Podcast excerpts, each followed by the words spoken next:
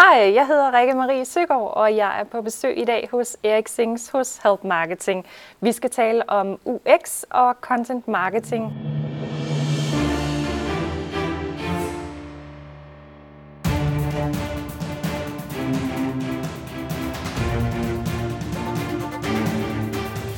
Det her er Help Marketing podcasten, lavet for dig, der arbejder med digital marketing, salg og ledelse, og som gerne vil opnå succes ved at hjælpe andre. Jeg hedder Xings, og Help Marketing producerer så min virksomhed nok meget. I dag er det afsnit nummer 75, og vi taler med Rikke Marie Søgaard om UX i forhold til content marketing.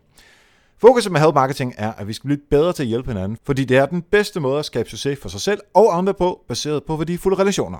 Og i dag er det altså UX og content, og det er sindssygt vigtigt, så der er virkelig noget at glæde sig til. Men inden da, der vil jeg gerne dele ugens content marketing værktøj med dig. Og ugens content marketing værktøj er sponsoreret af podcaststats.dk. Podcaststats.dk er et nyt site, jeg øh, har lanceret her for et par uger siden, for alle dem, der podcaster, eller vil gerne skrive om podcasting, eller interessere sig for podcasting. Jeg har simpelthen samlet alle de data, der er tilgængelige i det ganske land, og endda uden for landet også, øh, som jeg synes var relevante at dele med podcaster. Selvfølgelig det hele er kildeangivet på sitet, øh, så der er et sted, hvor du i dag kan finde podcaststatistik. Alle data er selvfølgelig helt gratis at få fat i på podcaststats.dk, så hvis du overvejer at podcaste, eller hvis du gerne vil skrive om et podcast, så gå derind og få fat i alle de data, der er brug for. Det er altså podcaststats.dk. Og ugens content marketing værktøj er A-Powers Online Screen Recorder. Kunne du tænke dig at lave din egen videoer, hvor du viser, hvad der sker på skærmen, og det er bare med et enkelt blik, så optager du video af det, som der vises på skærmen lige nu. Det kunne være, at du skulle lave en tutorial i, hvordan man bruger et program, eller en hjemmeside, eller et eller andet, som du har lavet, som du gerne vil have folk til at bruge, og du lige vil give dem en hurtig gennemgang af, hvordan man gør, jamen altså, så er det A-PowerSoft øh, gratis online screen optageren derinde. Den er øh, så fleksibel, at du kan optage hele skærmen, dele af skærmen. Den viser selvfølgelig også musen, øh, og du kan lave speak henover. Så på den måde kan du simpelthen lave en lille video, der viser præcis, hvad det er, du gerne vil øh, formidle til, øh, til dine brugere. Øh, du kan optage lige så lang tid, øh, som du øh, har lyst til, øh, og du kan simpelthen gå i gang på apowersoft.com, free streg, online streg, screen streg, recorder, eller bare søg på det på Google. Og jeg skal takke Anita Lykke Clausen for at anbefale det her fuldstændig coole værktøj. Og tak til podcaststats.dk for at være sponsor på ugens content marketing værktøj, og du kan finde alle de gode. Nu er vi oppe på 75 gode værktøjer. Det hele er samlet på nokmal.dk-tools. Husk, at du kan støtte Help Marketing ved at donere et beløb, som du fuldstændig og aldeles selv bestemmer. Det kan være, at du tænker, Help Marketing, det er 1 dollar værd for mig, eller 3 eller 10 dollar. Du kan gøre det ind på patreon.com eriksings så hvis du får værdi ud af at lytte med, så er det så simpelthen bare derinde, hvis du ellers du har økonomien til det. Teamet bag Help Marketing og jeg, vi blev super, super glade for al den støtte, som vi kan få. Og tak til jer, der allerede støtter. Og nu skal vi lidt tilbage i tiden. Kan du huske, da Astrid Haug var gæst i Help Marketing nummer 28, hvor vi talte om indholdsstrategi? Eller har du måske set hende på TV2 News? Hun er udkommet med en ny e-bog om ledere og sociale medier. Og det er ofte de der chefer, som vi simpelthen ikke kan få i gang på de sociale medier, fordi de er også vigtige med alle mulige andre ting. Men altså her er simpelthen en ny e-bog fra Astrid om, hvordan øh, ledere kan komme i gang på sociale medier. Og den udfordring med cheferne vil vi gerne her på Help Marketing sammen med Astrid hjælpe dig med. For det er noget af det første, hun gjorde efter at have udgivet sin e-bog her, det var at tage fat i mig og sige, ved du hvad Erik, Help Marketing-lytterne skal simpelthen have lov til at vinde nogle af de her e-bøger. Jeg har tre eksemplarer, som du nu kan vinde. Men lad os lige selv høre, hvad hun siger. Hej Help Marketing. Jeg hedder Astrid Haug, og jeg har skrevet en ny e-bog, der hedder Lederens GPS til sociale medier. Den handler om, hvordan man som topleder skal forholde sig til sociale medier på et strategisk plan, og også hvordan man som leder selv kan være til stede ude på de sociale medier. Og den e-bog har du nu chancen for at vinde, og det du skal gøre, det er at skrive et tweet med hashtag lederens GPS, og så vil jeg overlade det til Erik Sings at trække lod om de tre heldige vinder. Jeg håber, du har lyst til at være med.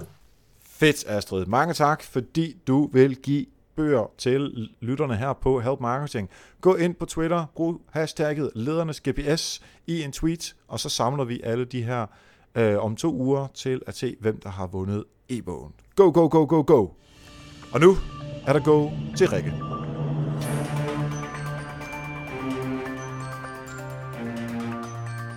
Yes, så sidder vi live her med Rikke Marie Søgaard. Um, hun er content specialist og indehaver af Another Agency. Tak fordi du var med, uh, du er med her i dag, Rikke. Jamen øh, selv tak, fordi jeg måtte være her, Erik. Vi har jo uh, kørt i bil sammen og uh, kender hinanden en, uh, en lille smule ud over det også fra det store internet. Ja, um, så jeg ved det jo egentlig godt, men hvad er det, du går og laver til daglig? Jamen altså, øh, jeg har jo det her øh, bureau. Vi arbejder med digital kommunikation og content marketing. Altså, vi, hjælper, vi hjælper virksomheder med at generere flere leads og salg gennem den måde, de kommunikerer på.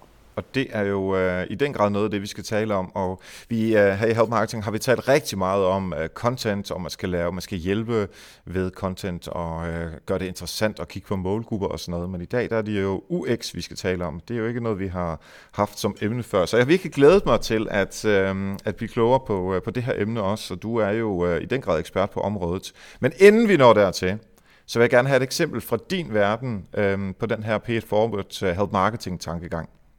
Ja, Jamen altså, jeg har jo tænkt uh, lidt over det, siden du spurgte, og den, uh, den, den oplevelse, der egentlig står uh, klarest uh, i min hukommelse, det var faktisk uh, tilbage fra, uh, fra jeg startede uh, min lille biks.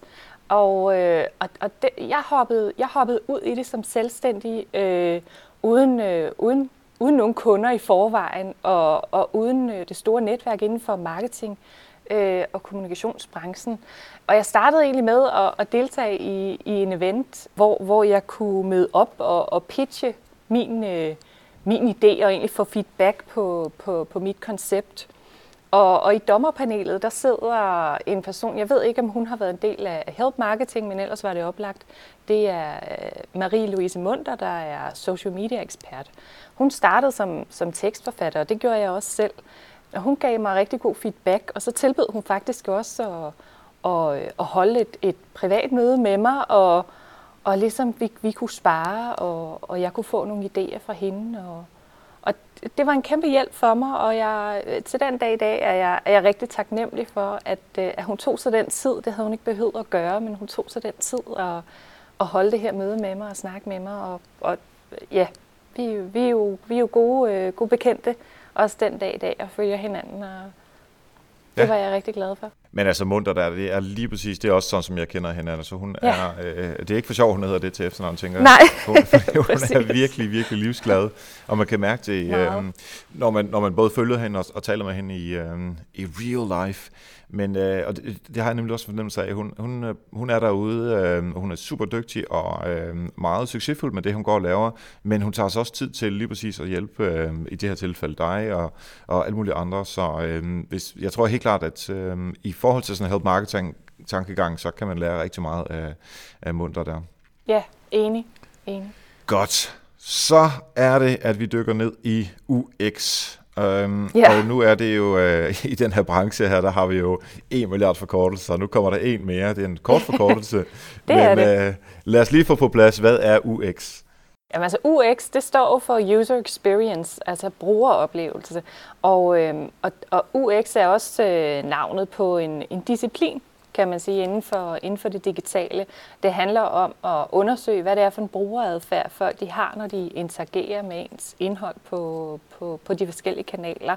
Og så handler det selvfølgelig også om at, så at optimere, øh, hvad kan man sige, ens kommunikation, design, ens flow, øh, sådan, så, øh, så man, man får den bedst mulige brugeroplevelse, så, så brugerne kan finde ud af at, at gøre det, man gerne vil have dem til at gøre. Øh, så, så det er både ud fra et forretningsperspektiv, altså at, at vi har nogle mål i vores forretning, og så skal vi selvfølgelig hjælpe folk igennem øh, det flow, vi nu har, så, så, så de lander, altså så, så, de, så vi kommer i mål med vores øh, forretningsmål. Men det er selvfølgelig også ud fra brugerens perspektiv, at folk skal have en god oplevelse, fordi så har de også en god oplevelse af din virksomhed eller dit brand. Præcis, og det synes jeg nemlig er rigtig, rigtig vigtigt, så øh, det er et rigtig fedt emne at tage fat i. Jeg skal lige spørge, er det skal vi tænke det i forhold til, hvis nu, lad os tænke det er et mailflow, som vi får lavet, er ja. det, at vi øh, starter med noget, noget, noget blødt, noget overordnet, øhm, og så måske gå ned i detaljen i næste mail, og så laver vi først en CTA i tredje mail, eller er det mere over i, er det en rød knap eller en grøn knap, eller skal den være øh, til højre eller venstre? Er, er det alt det der UX, eller er der nogle dele, som, som du mener, man skal fokusere, eller som UX fokuserer mere på end andet? Altså jeg tror, det billede folk har af UX tit er, at det, øh, at det handler om selve designet, altså hvad for nogle farver har vi på vores knapper, og hvor sætter vi knapperne. Øh, eller det handler om selve webudviklingen, altså opbygge wireframes, øh, hvis det siger der noget. Det de, når du, hvis du skal lave et webprojekt fra bunden, så laver du tit, tegner du tit nogle skitser øh, over, hvor ting skal være og sådan noget. Det er wireframes. Og altså sådan en, en, en grov måde at sætte hjemmesiden op på, så ja. man ligesom kan se arbejdet ud for det. Ja, præcis. Mm. Ikke? Øh, og, og, og, og så nogle forskellige øh, teknikker omkring øh, informationsarkitektur, altså hvad for nogle sider skal du have på dit site, og hvordan skal de være, øh, hvilke hierarki skal de have i forhold til hinanden og sådan nogle ting. Det jeg synes er, er vigtigt, øh, og det budskab jeg gerne vil ud med, øh, det er, at UX er lige så relevant øh, for dit arbejde med indhold, øh, altså selve indholdet på dit website. Og det er det af, øh, af en øh, meget åbenlyst grund, og det er, hvis du tænker på, hvorfor, hvorfor besøger folk et website i første omgang?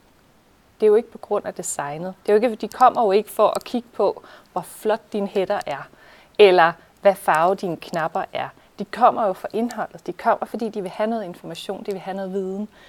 Og af den grund er det jo rigtig interessant og relevant at, øh, at tage UX-tankegangen øh, med ind i dit indholdsarbejde. Yes, så vi, vi taler ikke sådan helt klassisk øh, UX, som i uh, den tekniske del af det, og setup og sådan noget. Jeg kommer uh, ind på et par ja, tekniske ting det... også, øh, fordi det også er relevant for dit indhold, men... Øh, Præcis, men altså, der, der ligger selvfølgelig en point i, at øh, det indhold, man laver, det er jo det, der ligesom skal hjælpe videre, eller konvertere, eller hvad det er, man skal.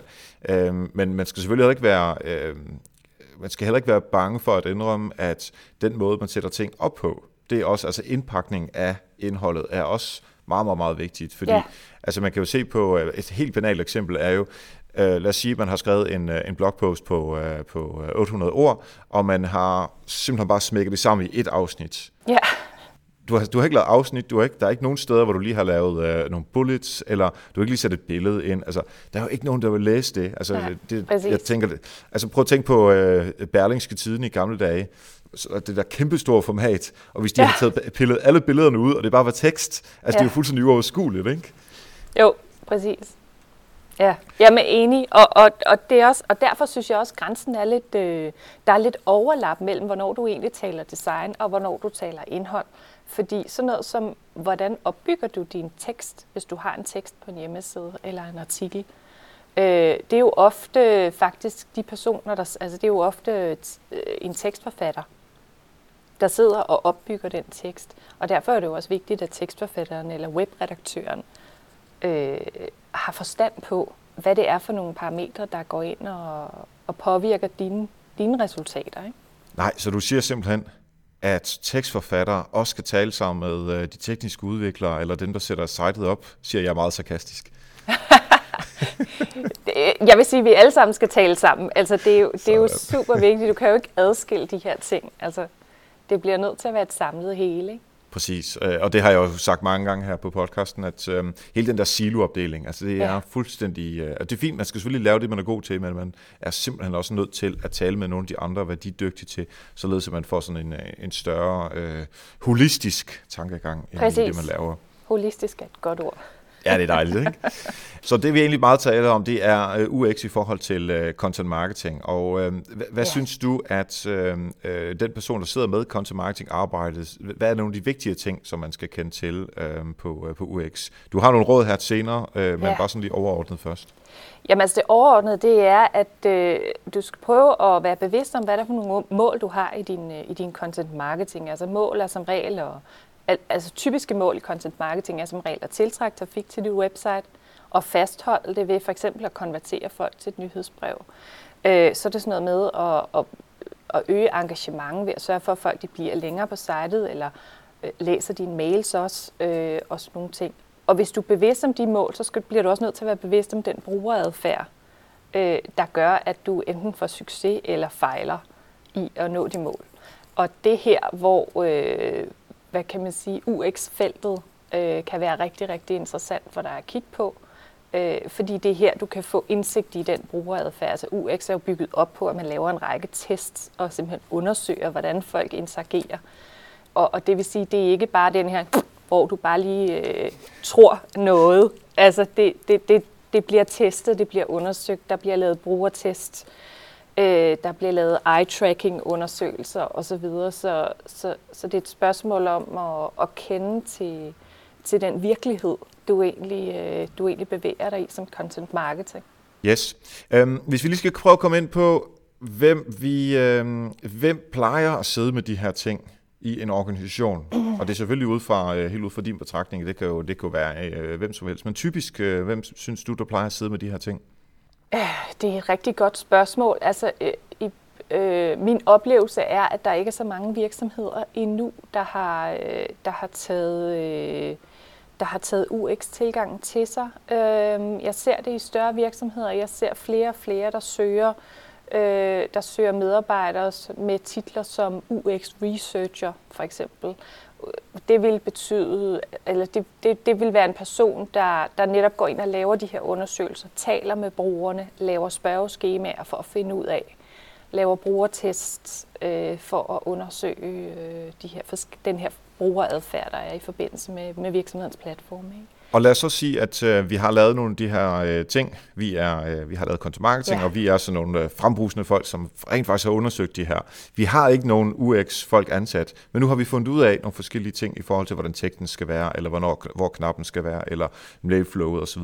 Hvem skal vi have til at hjælpe os i organisationen til at få sat de her ting op? Fordi der er noget teknisk omkring det.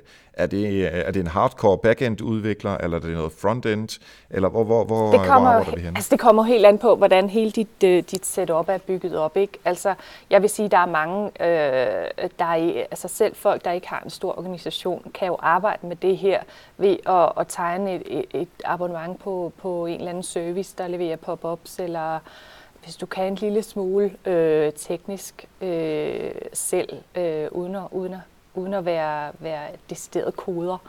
Øh, men, men altså, øh, jeg vil sige, dem, dem der arbejder med, det er sådan nogle som, ja, øh, en, en content strategist øh, eller content specialist, øh, øh, og, og så øh, måske i, i samarbejde med en webdesigner og en webudvikler. Ikke? Men en webmaster kan vel også blive sat til at rent faktisk at øh, eksekvere de tanker, man nu engang har, hvis, øh, hvis vedkommende kan, kan finde ud af at sætte øh, noget op. Altså vi kan alle sammen købe Sleek Note eller Optin Monster eller noget i den stil for at få lavet sine pop-ups, ikke? Jo, Ja, præcis. Fedt. Jamen, så tror jeg nogenlunde, vi har styr på, hvad, hvilken del af UX, som vi taler om her i forhold til, til content marketing arbejdet.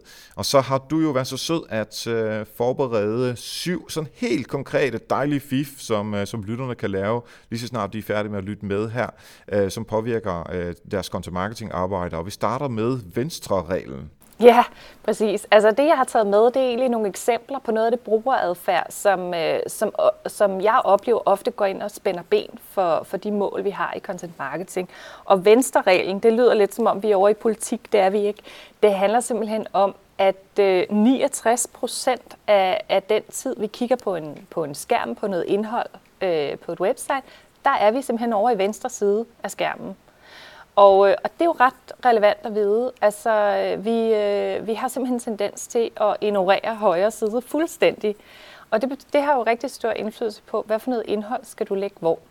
Altså, fordi har du, har du en sidebar for eksempel på dit, på dit site med øh, en nyhedsbrevstilmelding over i højre side, så er der rigtig stor sandsynlighed for, at øh, folk ikke ser den, fordi vi ved fra eye-tracking undersøgelser, altså undersøgelser, hvor man kigger på, hvor, hvor, hvor kigger folk på en skærm, så ved vi, at 69 procent af tiden er de over i venstre side. Men det betyder også noget som, den, når du formulerer din, øh, når du formulerer din overskrift for eksempel, lad os, lad os tage sådan noget som blogging.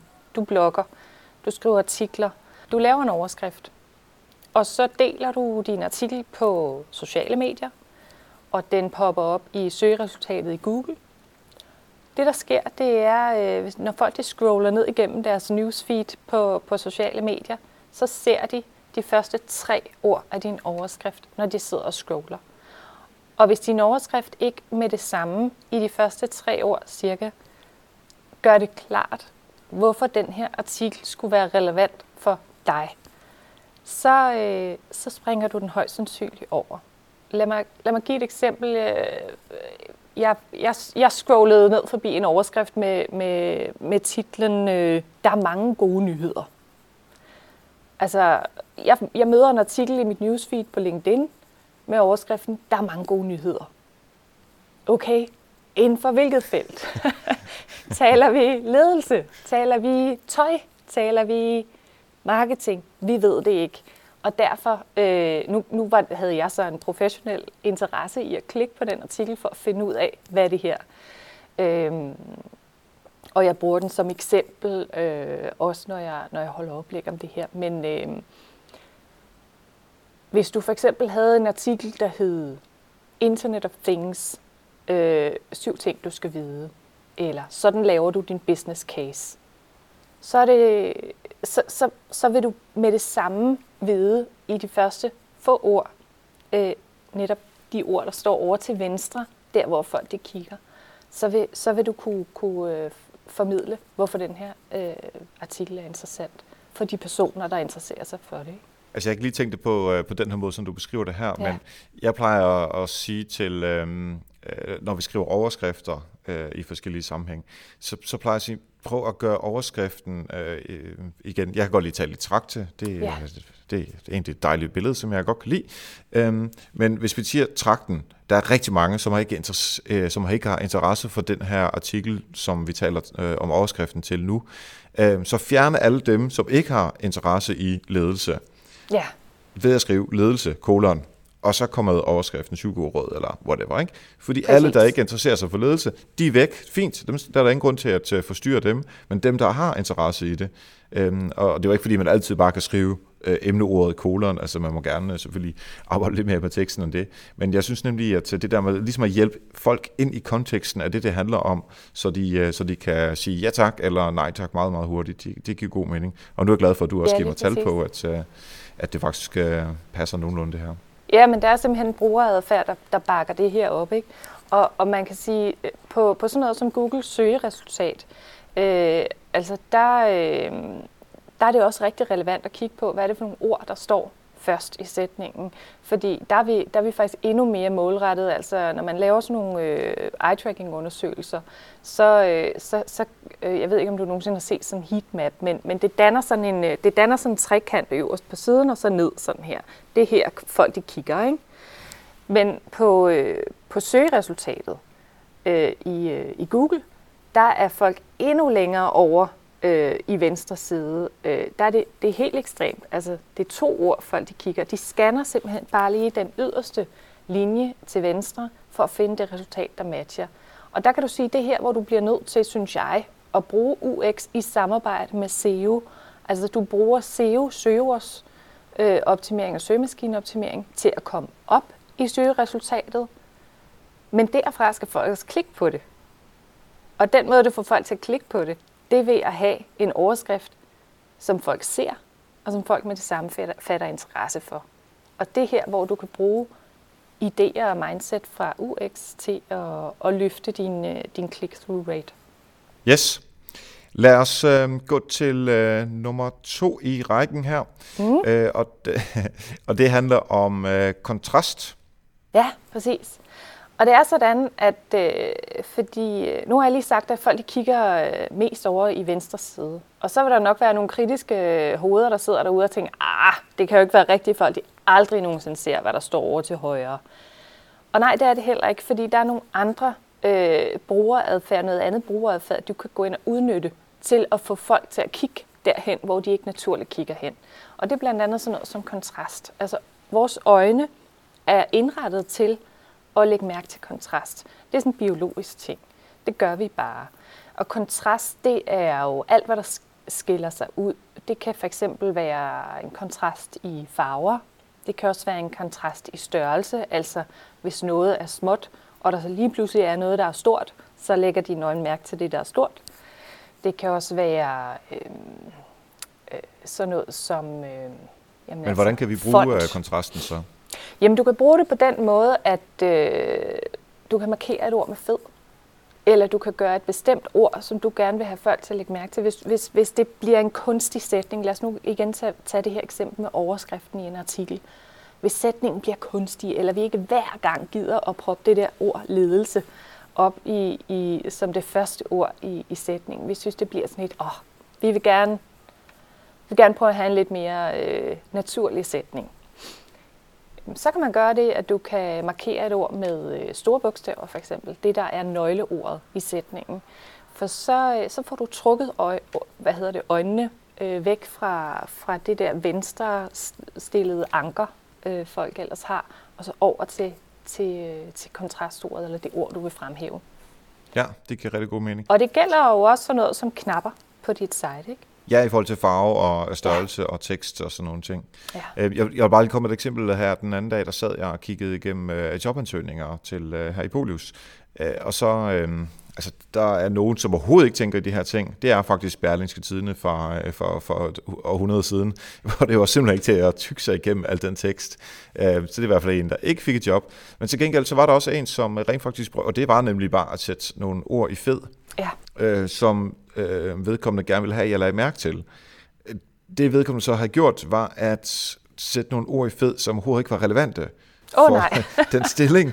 Så altså, mit øje bliver jo bare tiltrykket af de Ja. her øh, fede ord, ikke? Øh, og, og det, jeg tænker, om det, de, det rammer fuldstændig ved siden af det, som ja. vi egentlig havde brug for. Og så, ja, så læste jeg ikke særlig meget øh, mere af den, og så blev den også lagt over i bunken øh, øv, øv. Øh, så man skal også passe på, at man faktisk øh, markerer de rigtige ting i kontrasten, ikke? Og det er et stjernegodt eksempel på, på netop også min pointe øh, hele vejen igennem. Det er, der er de her eksempler på brugeradfærd. Og hvis vi bruger dem rigtigt, så hjælper de os. Men bruger vi dem forkert, så spænder vi ben for os selv og vores brugere. Ikke? Mm. Og det er lige præcis øh, et stjernegodt eksempel, du kommer med der. Ja. Ja. Lad os gå til nummer tre, Ja. som handler om linktekster. Ja, præcis. Og her er vi også lidt over i, i, i hvad kan man sige, den her med kontrast. Fordi øh, når du kigger ned over en, øh, en artikel eller en webtekst, så, øh, så vil du ofte se øh, linktekster øh, som en, i en kontrastfarve øh, til den øvrige tekst. Måske er de blå, måske er de gule. Men de har i hvert fald en farve. Ikke? Og det, det, det, det er en kontrast, og dit øje fanger det naturligt. Øhm, det man ser, når man også kigger på sådan nogle eye-tracking-undersøgelser, det er, at folks øjne de hopper ned igennem øh, siden, og de, øh, de, de øh, øjet festner forskellige steder. Og en af de ting, de festner rigtig tit på, det er linktekster. Og der, hvor du rigtig kan spænde ben for dine brugere og, øh, og, og virkelig øh, ødelægge, de, ødelægge det for dig selv og, og dem, det er, hvis du øh, kører den her linktekst, læs mere, eller læs her fordi øh, det, det giver ikke folk information. Men hvis du nu øh, refererer til et studie, så, øh, så, kunne du, øh, så kunne du have markeret hele linkteksten, læs studiet om eye-tracking her. Og så har du hele det øh, markeret som linktekst, og det vil sige, at du, øh, du, du får formidlet et budskab om, hvad der er relevant. Øh, både hvad, hvad din artikel handler om, men også øh, givet folk god information, der hjælper dem til at navigere videre fra din side. Ikke? Mm. Det passer øh, meget godt i forhold til kontrastdelen. Det man Faktisk, også skal øh, vide, det er forresten en anden ting med de her linktekster, det er, at hvis du er svagt seende, øh, så bliver de her linktekster, så kan du sætte din øh, computer op til at læse de her linktekster op. Og det vil sige, og det bruger, det bruger svagt seende rigtig tit, og det er sådan en ting, man ikke tænker over. Men øh, det vil sige, hvis du har den her læs mere, så får du bare den her læs mere, læs mere, læs mere, læs mere, læs mere. det er altså ikke særlig informerende til folk, der ikke kan se særlig godt. Nej, og der ligger måske også en pointe i det, at man, man måske fra tid til anden bare skal få se at få sine tekster læst op. Altså, Ja. fordi så, så fjerner man sig ligesom fra det visuelle, ikke? Og så, Jo. så uh, som du siger, fire gange læs mere øh, Ja. til sidst i, et- et afsnit, lyder altså også bare lidt fjollet. Det er det. Ja. Nå, men lad os gå videre til, uh, til den næste, som mm. handler om at scrolle. Ja, præcis. Igen, øh, altså det her er baseret på studier, altså scroll, altså der, der er nogen, der, der, der siger, at den her gamle regel med, at vi ikke scroller øh, så meget, at, at det, det gælder ikke mere, fordi nu har vi de her, øh, folk er blevet vant til hjemmesider på en anden måde, og vi, øh, vi ved, at, at sider er lange, og vi har de her øh, websites, der er sådan nogle one-pages, altså hvor, øh, hvor vi i virkeligheden ikke øh, binder an på menupunkter og klik, men vi egentlig bare scroller os hele vejen ned igennem. Faktum er bare, at når du kigger på studier, øh, så, øh, så er det altså stadigvæk øh, 80% af tiden, vi bruger above the fold. Og above the fold, øh, det er det her udtryk for det, du kan se i dit skærmbillede lige nu. Altså, det, det kun 20% af tiden bruger vi på det, der er nedenunder the fold. Og det vil sige, det, det gælder altså stadigvæk det her med, hold det vigtige indhold øverst. Sørg for, at øh, hvis, hvis du har noget af det vigtige indhold længere nede, mm, så skal du gøre folk opmærksom på, at det er der. Fordi folk scroller kun, hvis de har en grund til det, hvis du giver dem en grund til det. Ja. Øhm, ja. Jeg havde sådan et eksempel fra, øh, fra mit eget site, hvor jeg lavede sådan en heatmap, øh, hvor jeg simpelthen kunne se, at det var omkring 20 procent, som kom ned til bunden af, ja. af nogle forskellige, altså til, øh, til noterne fra de forskellige help marketing afsnit. Øh, og det var faktisk ned for neden, hvor jeg havde en CTA om, har hvis du har lyst til at være Patreon og hjælpe øh, podcasten, jamen så klik her, og så videre, så videre. Ja. Øhm, og så betød det jo egentlig, at det er kun 20 procent af alle de mennesker, som overhovedet øh, gik ind og læste noterne og blev eksponeret for den her øh, CTA. Så øh, den er blevet rykket øh, godt op, således at, øh, at folk kan se den øh, sådan relativt øh, hurtigt. Det er et rigtig godt eksempel, du kommer med det. Jeg kan også huske, øh, jeg så et, øh, jeg var til et oplæg, øh, det et arrangement, du holdt i Bolius, øh, hvor, hvor du også fortalte om, om det her med, med, hvor deleknapperne er placeret. Og det, mm det er igen et, et rigtig godt eksempel, hvis du, hvis du øh, et af de her typiske mål, vi har i, i content marketing, det kan enten være, at vi gerne vil have folk til at downloade øh, et white paper eller en e-bog, vi har lavet. Øh, og det er også meget almindeligt, at folk de øh, fremhæver den nederst i en artikel.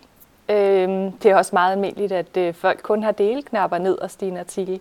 Men som du, som du også øh, er inde på her, jamen, det er altså få, der scroller helt derned. Så, så, så øh, mit råd er, at du sørger for at have sådan noget som deleknapper øverst og nederst. Øh, fordi hvis folk først har scrollet ned, de der 20 procent måske, der har scrollet ned, de scroller jo ikke tilbage op for så at dele. Så, så du bliver nødt til også at honorere dem, der er, der er noget dernede. Ikke? Ja, og det er det, klart. Og det samme i forhold til det her med, hvis du gerne vil have folk til at, at downloade en ressource, sørg for at gøre opmærksom på det løbende igennem dit blogindlæg. Yes. Vi skal til det næste, som er banner og cookie blindness. Ja. Det tror jeg, jeg lider af. Ja, det, øh, det lider størstedelen af. Øh, altså, de fleste kender det som banner blindness. Jeg har tilføjet den her cookie blindness, fordi øh, efter den her cookie-lovgivning kom op, så er vi vant til at se den her lille, det her lille banner, der popper op med, at øh, der er cookies på et website.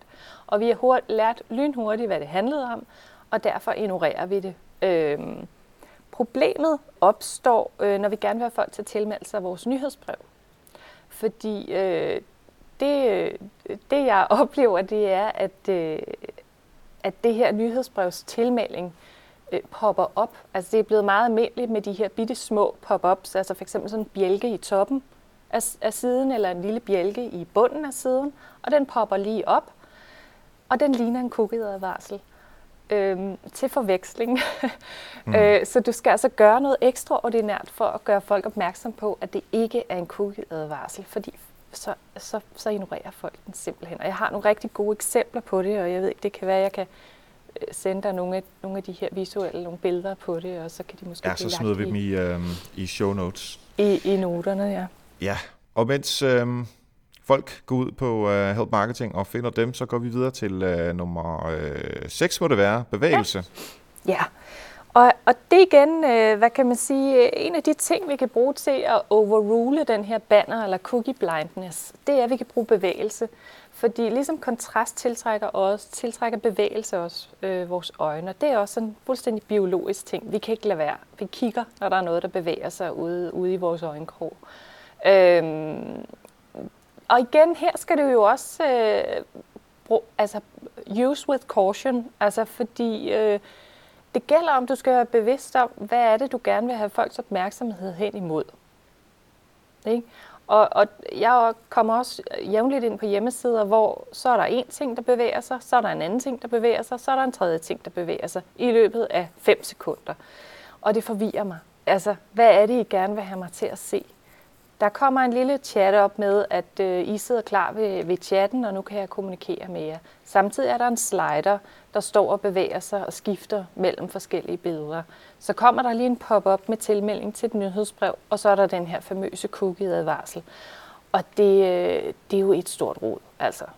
Så det er det i hvert fald. altså, have fokus på, hvad er den vigtigste handling, I gerne vil have folk til at, at foretage sig lige nu på denne her side.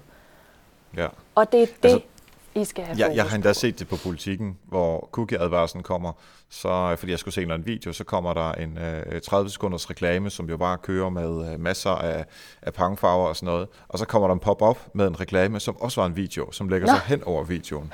Og så tænker jeg, wow, det er i hvert fald, det tager nogen tid, inden jeg får lov til at læse noget som helst, eller Ja. bevæge, eller Og, forbruge og, noget som og helst man sidder bare der febrilsk og skal prøve at klikke, klikke på det der lille kryds. Og hvis man, Ja. hvis man er på en mobil, så er det helt galt, fordi nogle af de her pop-ups er slet ikke, øh, er slet ikke øh, gearet til mobilvisning, og så kan du ikke få lov til at fjerne dem. Øhm, så, så Og det er jo den sidste, som vi skal ind på øh, Ja. her, øh, mobilen. Det er det nemlig. Altså det er sådan, øh, sidste år øh, annoncerede Google, at, øh, at, at mobil havde altså overhalet øh, desktop nu i antal søgninger øh, i søgemaskiner.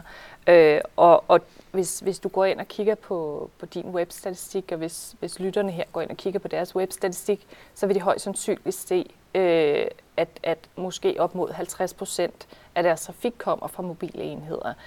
Altså, det er en brugeradfærd, du bare ikke må ignorere. Det er halvdelen af dem, der kommer ind, kigger fra en mobil.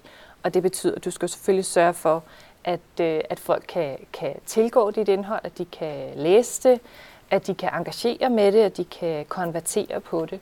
Og det, øh, det er rigtig vigtigt. Så, så alle de her ting omkring, hvordan bygger du en tekst op, der, øh, der bliver du simpelthen nødt til at kigge på, hvordan ser den tekst ud, når du læser den på, på en mobil. Øh, hvis du har to til tre linjer tekst, du har skrevet på, på en desktop, så, øh, så fylder det over hele skærmbilledet på en mobil allerede der. Og det vil sige, du møder øh, muren, altså den her tekstmur, den, øh, den møder du altså meget, meget hurtigt, hvis, hvis du har en mobilvisning. Så det forpligter, du bliver nødt til at, at lave helt korte afsnit. Og så er det selvfølgelig helt basalt. Du, du bliver nødt, dit site bliver nødt til enten at være responsivt, eller også bliver du nødt til at have en dedikeret mobilvisning af dit, øh, af dit indhold. Ikke?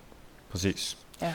Du har tre meget, meget, meget hurtige øh, bud på, hvad man skulle gå i gang med som det allerførste, hvis man gerne vil arbejde med, øh, med UX i sit content marketing. Men inden da, der vil jeg gerne lige have lov til at takke alle, alle de super søde, coole typer, som øh, understøtter Help Marketing ved at være patrons af Help Marketing. Og det kan man gøre ind på patreon.com-xings, og derinde der kan man sige, jamen et afsnit som det her, hvor Rikke virkelig giver alt den gode viden, øh, ej, nok ikke al din viden, men meget af din gode viden, øh, helt øh, øh, gavmildt ud til alle lytterne. Jamen, hvis man synes, at det er en dollar værd, jamen, så er det det, man giver. Hvis man synes, det er 5 dollar værd, så er det det, man giver, osv. Så det er helt op til en selv. Øh, så gå ind på patreon.com-ericssings, hvis man har lyst til at støtte øh, podcasten øh, på den her måde, så vi kan blive ved med at køre og have sådan nogle super seje gæster, som, øh, som Rikke i studiet. Nu skal vi have tre og det er meget, meget hurtigt. Det er lige til, øh, konkret og hårdt på, således at man kan gå i gang med det samme. Ja, altså tre helt lavt hængende frugter. Hvis du skulle gå hjem og optimere dit indhold lige nu i forhold til de her øh, UX-fifs, jeg lige har givet. Altså det første, jeg vil have, du tænker på, det er sådan noget som tænk UX ind, når du skriver et blogindlæg. Når du skriver din titel, når du skriver din titel og metabeskrivelse, øh, når du skriver emnelinjer i mails. Tænk på det her med, folk kigger over i venstre side. De første tre ord skal formidle, hvad det her det handler om, og hvorfor det har værdi.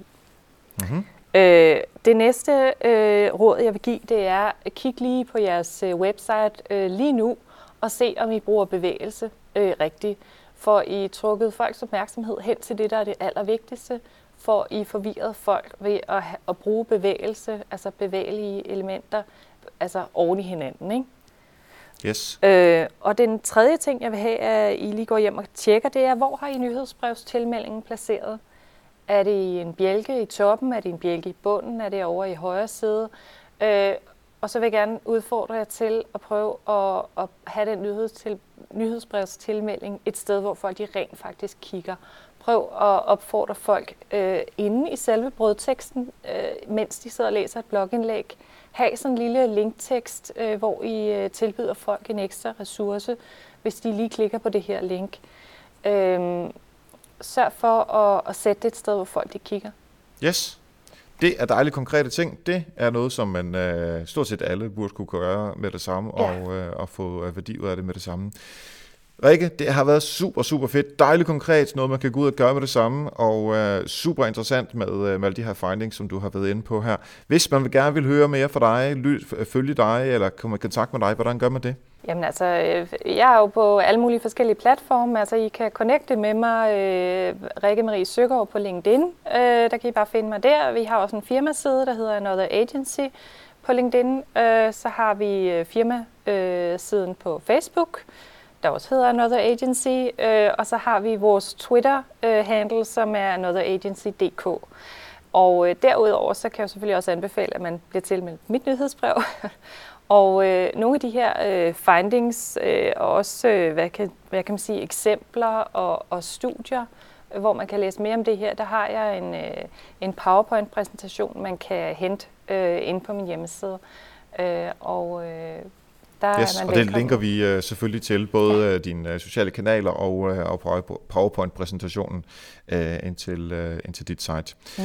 Det har været super spændende, Rikke. Ja, rigtig mange tak, fordi det. du uh, rigtig mange tak, fordi du var med uh, her i dag. Jamen tak, og i lige måde, Erik. Tak fordi jeg måtte være her. Mange tak til Rikke. Tænk nu alle de her UX-tanker og muligheder ind i dit content marketing. Det er så nemt. Det kræver ikke noget som helst, og det gør en kæmpe forskel. Mange tak til alle patrons. I er sindssygt seje. Og hvis du ikke har råd til at støtte Help Marketing, så kan du hjælpe alligevel. Skriv en mail til en person i dit netværk, som du mener kan få værdi ud at lytte med. Del det på Twitter, del det på LinkedIn, del det på Facebook. Hvor end du har nogen, der følger dig, Del linket helpmarketing.dk eller linket til iTunes og sig, at folk også skal lytte med. Det hjælper os rigtig, rigtig meget. Husk nu at gå ind og øh, vinde Astrid Haugs bog, Ledernes GPS, ved at bruge hashtagget Ledernes GPS på Twitter. Om to uger finder vi ud af, hvem er de tre heldige vinder. Næste gang der får vi besøg af Åge Henhede, og han vil give råd til, hvordan du kan bruge lokalsamfundet i din forretning. Det bliver det mest jyske afsnit af Help Marketing ever. Og tak for nu. Husk, ved at hjælpe andre, opnår du også selv succes. Vi høres ved.